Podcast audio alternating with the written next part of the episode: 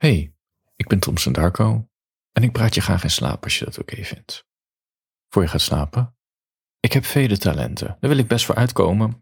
Weet je, een van de goede eigenschappen die ik heb is, uh, is zelfkennis. Nou, en ik durf best wel te zeggen dat ik in bepaalde dingen heel goed ben.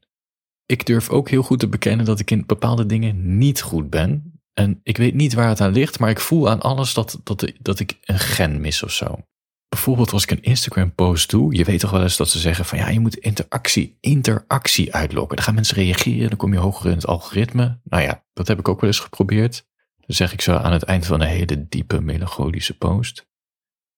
Als je het leuk vond om te lezen, geef me een hartje. Weet je zoiets. Of wat is jouw worsteling in het leven?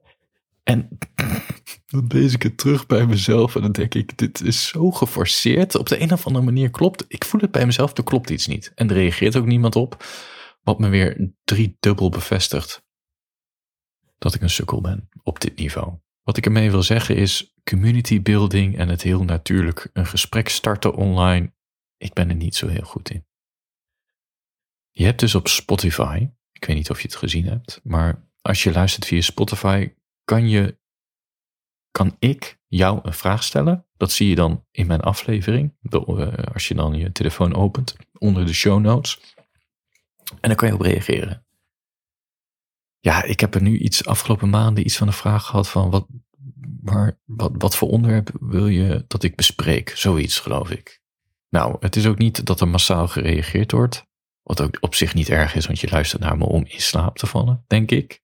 Ah, sowieso, als je luistert moet je niet naar een scherm kijken, toch? Dus ik snap het. En ik heb het er ook nooit over.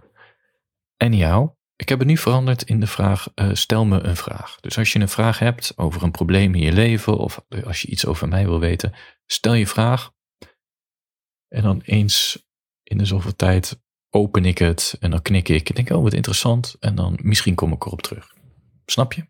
Voor je gaat slapen. De afgelopen maanden hebben een aantal mensen een reactie achtergelaten. En die wou ik eventjes puntsgewijs langslopen. Dus voor de eerste keer dat ik het doe, wat ik al zei, ik heb geen talent in community dingetjes, maar we doen het er maar mee. Uh, ja, nou, zie het wordt gelijk alweer awkward. Ik vind dit zo gek. Ik weet ook niet wat er nou in me gebeurt, waarom dit me niet natuurlijk afgaat.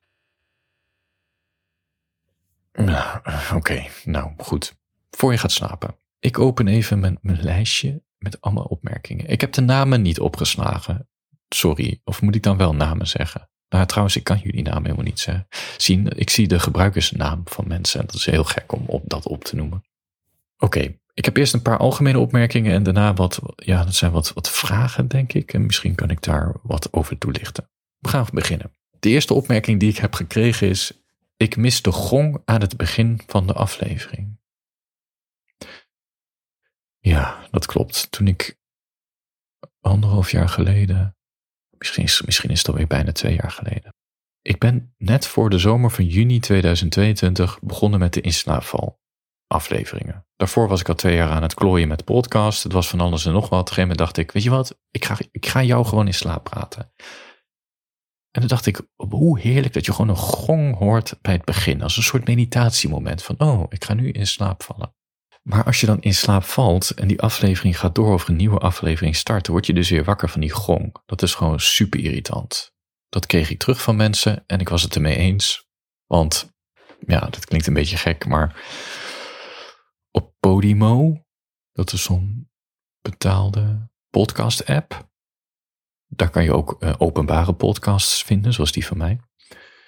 En ik was aan het dutten. Ik viel in slaap met een podcast. En dan gaat hij automatisch andere podcast afspelen. Toen werd ik dus wakker van eerst de gong en toen mijn eigen stem. En dat was heel raar. Eén, ik had, ik luister nooit naar mezelf. Ja, als ik het opneem en dan terugluisteren, maar niet in, in het wild. Uh, en die gong was echt irritant. Dus ik heb die gong eruit gehaald. Oké? Dus sorry, die gong gaat ook niet, niet terugkomen. Nee, we gaan het niet doen. Het is ook geen meditatie. Het is mijn stem. Mijn stem is de gong. Mijn hallo, ik ben Thompson Darko en ik praat je in slaap vanavond. Dat is de gong. Voor je gaat slapen. De volgende opmerking. Ik vind het altijd heerlijk als je een verhaal vertelt of voorleest, zoals je in het begin een aantal keer achter elkaar had. Ja, dit doet een beetje pijn. Want dat vind ik zelf ook leuk, om kleine verhaaltjes te maken en die in te spreken. Ja, de reden dat ik die verhaaltjes deed was omdat ik bezig was met een luisterboek. Uh, dat luisterboek heet Sombere Hitsigheid Onbegrepen. Die kwam in november 2022 uit. En ik had daar omheen wat korte verhaaltjes geschreven met dezelfde personages en die ook ingesproken voor jou. Het was een beetje voor mij om te oefenen met het luisterboek. Met hoe ik het moet inspreken en hoe je een verhaal brengt. En ik zat nog in die schrijfflow van dat, van dat boek. Nou, het luisterboek is in november uitgekomen. Ik kreeg heel veel reacties van mensen die het graag wilden lezen. Dus ik heb uiteindelijk besloten in december om het te gaan drukken. En in januari van 2023 is het als boek uitgekomen. En nu zijn we alweer een jaar verder. En meer dan duizend exemplaren verkocht. Uh, ja, wat niet zo heel vaak gebeurt. Hashtag trots. Ja, en meer dan een jaar verder is het boek één groot succes. Als je zin hebt om naar mijn stem te luisteren als verhaal, koop het luisterboek. Of koop gewoon het boek Somberheidsheid Onbegrepen en stuur ik het naar je op. Nou, dat was even een soort sponsorbericht tussendoor. Maar ik snap wat je zegt. Um, ik, wil, ik wil het weer vaker doen. Het ding is alleen, 2023 heeft volledig in teken gestaan van het vervolg van somberheidsheid afschrijven.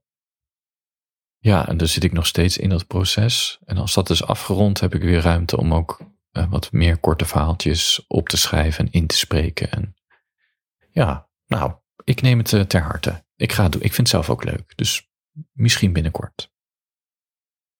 Volgende opmerking. Voor je gaat slapen. Hier staat gewoon als de eerste zin: Hey, Thompson Darko hier, dan val ik meteen in slaap. Ja, ik weet niet zo goed of ik dit nou leuk vind om te horen of niet. Ene kant ja, fijn dat je in slaap valt. Andere kant, ja, dan praat ik dus eigenlijk tegen niemand. En ik vind het ook wel weer fijn dat iemand me hoort en, en mijn visie op het leven snapt. En en tegelijkertijd, ik noem het ook een inslaapvalpodcast. Dus het grootste compliment is eigenlijk ook dat je in slaap valt. Weet je wat? Ik laat het helemaal bij jou. Of je bij mijn stem in slaap valt. Of dat je geboeid wakker blijft. Of dat je uh, sorry, luistert als je wandelt. Ik heb er geen invloed op. Ik doe gewoon mijn best om uh, je te vermaken. Zo is het ook. Volgende opmerking. Oh nee, dit waren de opmerkingen. Sorry, ik ben hier echt niet goed in. Dit waren de opmerkingen. We gaan nu naar de vragen. Ik voel me echt een soort mislukte radio-dj of zo. Ja. Maar dit houdt me ook puur. En dat is ook wat, wat, ik, wat, ja, wat zo aantrekkelijk is aan mij. Toch? Eerlijk? Voor je gaat slapen. Uh, de opmerking is daten met iemand die openlijk eigenlijk zijn ex terug wilt. Dus mijn vraag was, waar, wat voor onderwerp wil je horen? Dit is dan wat ingevuld wordt. Daten met iemand die openlijk eigenlijk zijn ex terug wilt. Ja, dat is echt pijnlijk. Maar wel begrijpelijk, maar ook pijnlijk. Want eigenlijk ben je dan een soort afleiding voor die persoon. En het is wel eerlijk.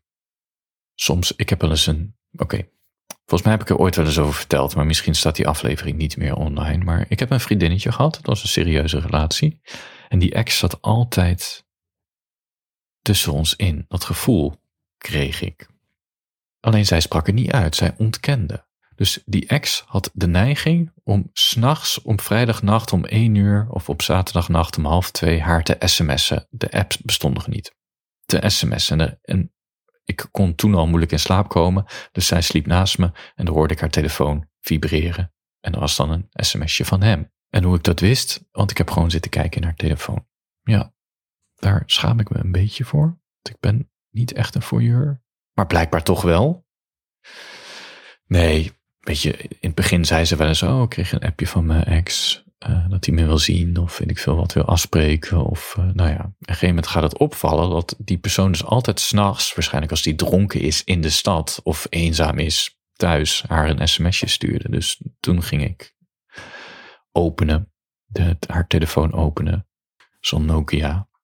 En zij, het was echt, ik weet niet of ze, haar, of ze het nou speelde, haar naïviteit. Want hij wilde dan afspreken en ik zei, ja, ik weet niet hoor. Ik, ik heb er toch wel eigenlijk een beetje een bezwaar tegen.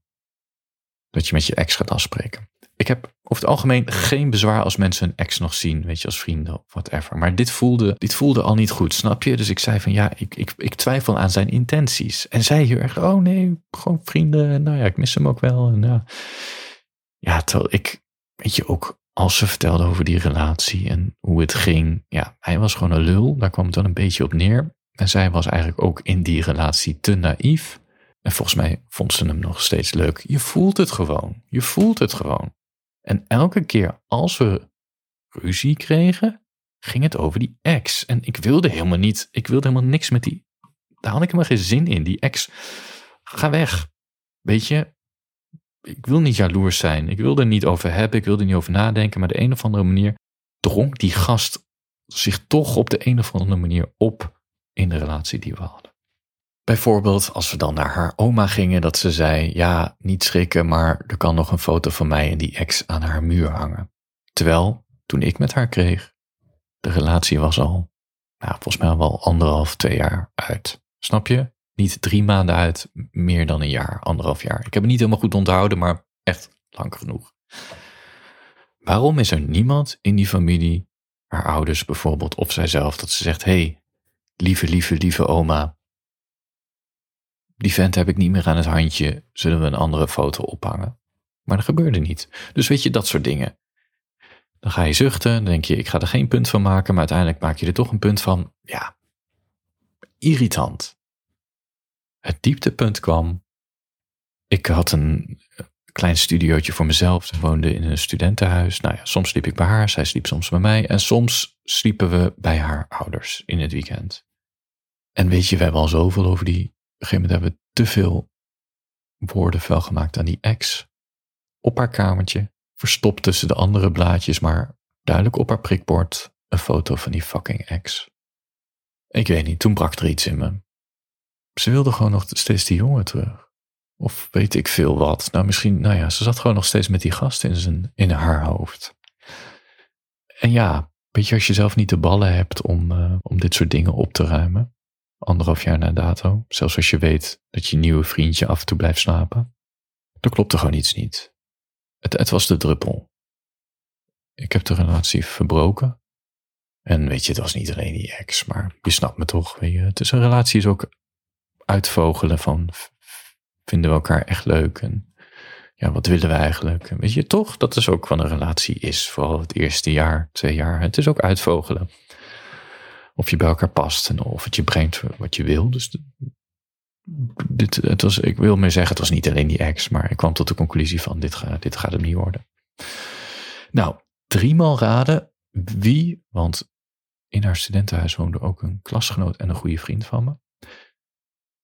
Driemaal raden wie er twee dagen later in haar bed lag, die ex. En dat wist ik van die vriend die het echt op een hele droge, grappige manier zei. Nou, drie keer raden wie er vannacht weer eh, was. En dan ging hij dus haar seksgeluiden namaken. Ik wist al dat ze op een bepaald. Dat is oké, dit is nog het erge. Die vriendin, ex-vriendin, die maakte blijkbaar op een bepaalde manier seksgeluiden. Uh, zal ik het voordoen? Ik doe dan wat die vriend van me deed. Gek geluidje toch? Nou, dat was blijkbaar hoorbaar als zij dan met die ex toen ze toen nog een relatie hadden en later, nou ja, dat geluidje maakte ze. En ik wist dat al, want dat had, voordat ik met haar een relatie kreeg, had die vriend van me er al elke keer over. In de tijd dat ik met haar verkeringen heb, had, heeft ze maar één keer dat geluidje gemaakt. Ja, en dan ga je toch een beetje twijfelen als man, wat doe ik fout? En verdomme, nadat het uit is, ligt ze drie dagen later weer met die, nieuwe, met die ex van haar in bed. En dan loopt ze weer dat geluidje te maken. Ja, gek hè? Ik weet niet. Het is toch een beetje raar. Dat ze het niet bij mij deed, maar wel bij hem. Nou ja, één keer bij mij. Ja. Maar goed, het deed heel erg pijn in mijn buik. Toen hij dat zei. Ene kant de bevestiging, weet je, van nou ja, die ex zat in de weg. En blijkbaar het eerste wat ze doet is weer die ex opsporen. Toen ik haar hart had gebroken. Ik heb toen een heel boos mailtje gestuurd achteraf gezien niet zo heel slim. Ze stuurde wel een hele lieve brief terug met een soort van uitleg. Dat ze ook besloten had om hem nooit meer te zien. En uh, nou ja, ik weet niet. Het was geen eindgoed al goed. Het was gewoon voorbij. Ik heb haar daarna ook nooit meer gezien eigenlijk. Nee. Ja, nou, dat. Oké. Terugkomen tot de opmerking daten met iemand die openlijk eigenlijk zijn ex terug wilt. Ik snap je helemaal. Ja, je kan er dan, ja, nou, ik laat het aan jou, maar het is moeilijk om met iemand een relatie op te bouwen als die deur naar het verleden nog open staat. Dat is gewoon zo. En dat gaat ook voor jezelf. Als je zelf een nieuwe relatie hebt, maar je denkt nog steeds aan die ex. Het is heel moeilijk om gevoelens en bonding met een nieuw iemand op te bouwen als je nog heel vaak terugdenkt aan die ander. En dan bedoel ik echt terugdenkt met een zwaar hart. Dus niet zozeer dat je af en toe nog fantaseert over je ex, weet je. We doen het allemaal. Maar ik bedoel meer dat verlangen naar. Begrijp je? Goed. Zullen we het volgende onderwerp doen? Voor je gaat slapen.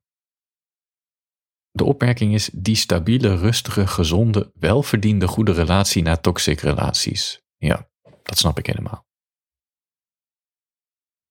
Als in veel van mijn teksten gaan over toxic relaties, denk ik. Nou, wat een beetje. Bijvoorbeeld mijn boek Digital Love, of in ieder geval dat was een blogreeks, die heb ik daarna een boek laten gedrukken. Uh, dat ging over Noor en Marlijn, die in een heel toxic appgesprek met elkaar zitten. Kijk, als eerste wil ik zeggen dat dat soort relaties, die heel, waar je eigenlijk het slechtste in elkaar naar boven haalt, dat, geeft ook de meeste passie, maar het maakt je ook beide kapot. Daarom is het uh, niet houdbaar voor de toekomst. En het nadeel daarvan is, is dat elke stabiele relatie die je krijgt, dat voelt niet hetzelfde als die toxische relatie. Dus de highs zijn niet hetzelfde, maar de lows ook niet. Ja, je moet toxische relaties toch zien als een druk. En dat is hetzelfde als je altijd drugs op hebt en uitgaat en dan afkikt en dan zonder drugs uitgaat. Het is een hele andere wereld. En het lijkt alsof je iets mist, maar dat is helemaal niet zo. Want uiteindelijk weet je ook zelf wel, die stabiele, rustige, gezonde, welverdiende, goede relatie, dat brengt je zoveel meer vrede in het leven. En ook meer liefde. En dan is het inderdaad misschien minder gepassioneerd. Maar voor alles, weet je, alles wat we doen, betalen we altijd een prijs ervoor. En minder passie wil niet zeggen dat je minder gelukkig bent. Stabiliteit en goede, rustige, gezonde relaties zijn heel fijn om te hebben. Je leert veel van je. Je kan heel erg jezelf zijn. Die ander kan heel erg jezelf zijn. Je kan echt hele. Ja, het is gewoon. Het is, het is fijn in het leven om dat te hebben. Ik gun het je. Iedereen die uit toxische relaties komt, ik gun je stabiele, rustige, gezonde, heerlijk saaie, goede relaties. Lekker zaterdagavond onder het dekentje, popcornbak tussen je in, tv kijken, om half elf gezellig samen naar bed, zoentje, weltrusten, weltrusten. Ik gun het je. Dat is ook een lekker leven. Oh. Nou, dat heb ik te zeggen hierover. Volgend onderwerp, eh, volgend punt voor je gaat slapen. Dus de ene laatste opmerking. Waarom wij verslaafd zijn aan anderen en vooral de aandacht ervan. Ja, dit is een onderwerp waar ik veel over heb geschreven. En daar richt ik de filosofische vraag op: worden we verliefd op de aandacht die we krijgen? Of is er iets diepers in ons dat gevoed wordt? Ja, nou, laat ik het zo zeggen. Ik denk vooral vaak als, als, als, als ik niet goed in mijn vel, laat ik het op mezelf betrekken. Als ik niet zo goed in mijn vel zit, me wat leeg voel, een beetje futloos, een beetje ongezien, dan is aandacht het lekkerste wat er is om te krijgen. Het geeft een soort kick. Uh, het is opwindend. Het laat heel veel tijd verdwijnen, waardoor je dus je eigen gevoelens niet zo voelt. Je wordt in een soort bubbel gezogen met die ander. En tegelijkertijd is het ook heel erg aan het oppervlakte. En stopt het ook heel snel. En ga je ook heel snel twijfelen wat de intenties zijn van de ander of je eigen intenties. Ja, ik denk, en dan zul je in de loop van je leven achterkomen, heel veel aandacht krijgen van iemand, of love bombing, of al die verschillende manieren. Het kan op liefdesgebied zijn, maar ook vriendschappelijke vorm van aandacht. Het is in zekere zin een rode vlag. uiteindelijk haalt die ander er ook iets uit of heeft iets, wil iets. En ja, ja, wees op je hoede. En ook op jezelf, dat je te snel valt voor praatjes, dat kan niet altijd iets goed betekenen. Het is toch, spijt me om te zeggen, maar het klinkt heel saai. Maar genoeg hebben aan jezelf, dat geeft, dat is een gevoel dat je zonder de ander jezelf prima kan vermaken in het leven. Dat betekent dat je stabiel bent en in je hoofd. En dat het, dan is het fijn dat er ook liefde is. Snap je? Maar dat betekent ook dat je de liefde veel beter kan beoordelen van wat je eruit terugkrijgt, of, je, of iemand over je grenzen gaat of niet. Dus je stabiel voelen met jezelf betekent ook dat je eigen grenzen beter kan bewaken. Als je niet zo stabiel voelt in je hoofd, of toch een beetje te eenzaam bent, of te lege gevoelens, en iemand bedolft je onder de aandacht, is ook het gevaar dat ze over onze grenzen heen gaan en ons uiteindelijk meer kapot maken dan ons lief is. En ja, uiteindelijk wil je toch een gelijkwaardige relatie met iemand krijgen. Dat begint ook bij een soort zelfvertrouwen in jezelf. Het besef dat een ander je altijd kan verlaten, uh, wat een feit is. Maar dat het ook, dat je elke dag weer de keuze maakt om bij elkaar te zijn. Nou ja, je kent het. Een heel, heel christelijk verhaal dit. Kortom, als je snel bedolven wordt onder de aandacht daarvan en de verslaving daarvan, zoek het in jezelf. Welke leegte wordt die je opgevoed? Wordt die je opgevuld? En vaak heeft dat minder met die ander te maken dan je denkt. Oké, de laatste opmerking die we gaan behandelen. En dan uh, doe ik er een strikje omheen en dan zeg ik handjes boven de deken, slaap lekker. Voor je gaat slapen. De opmerking is, misschien eens een keer over verslaving. Dat is een vraag of een opmerking die ik vaker krijg, ook per mail. En ik kan het me goed voorstellen, omdat waarschijnlijk een aantal van mijn volgers geworsteld hebben met verslavingen. Ja, ik vind het zelf moeilijk om erover. Ik schrijf er wel eens over en ik praat er ook wel eens over. Maar dat gaat vaak over de mensen uh, met wie ik om ben gegaan die verslaafd waren.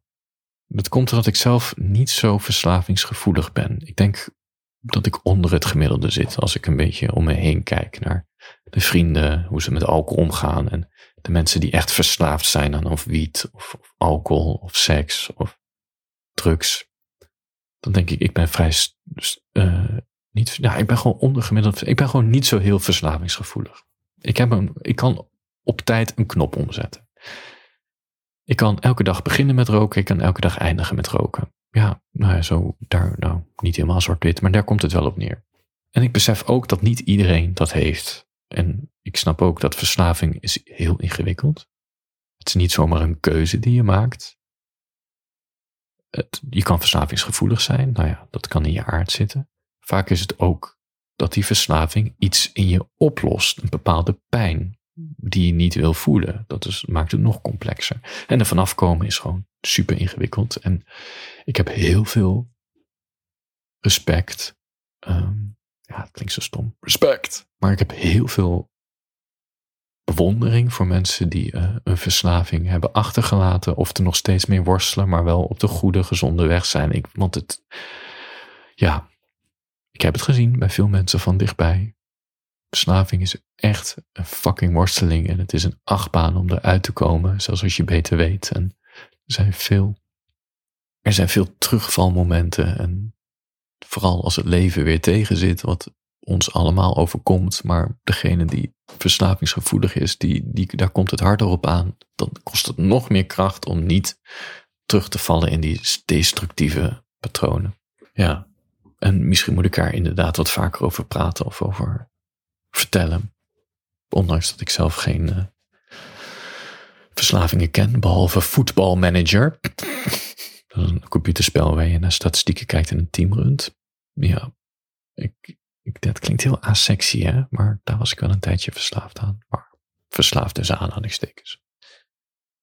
Maar ik deed wel een groot deel van de dag. Dat is een verhaal voor een andere keer. Maar wat ik wil meer zeggen is, ik, ken, ja, ik heb zelf niet zoveel ervaringen met verslavingen. Maar wel de mensen om me heen zien worstelen. Ja. En ja, daar liep het ook niet altijd mee goed af. Dus, dus ik besefte de donkere kant enorm. En sommige mensen is het helemaal goed gekomen. Wat is goed? Nou ja, dat ze in een beter leven terecht zijn gekomen dan waar ze waren. En nog steeds zijn er natuurlijk valkuilen, maar ik zie ze en ik bewonder ze. Ja, ja nou dat. Oké. Als je nog niet in slaap bent gevallen. Ik heb dus nu, als je via Spotify luistert, en, en mijn petje af steuners horen dit ook. Maar die ik hebben een aparte feed. Ik bedoel de openbare feed. Daar heb ik nu die vraag staan van wat wil je vragen aan Thompson Darko.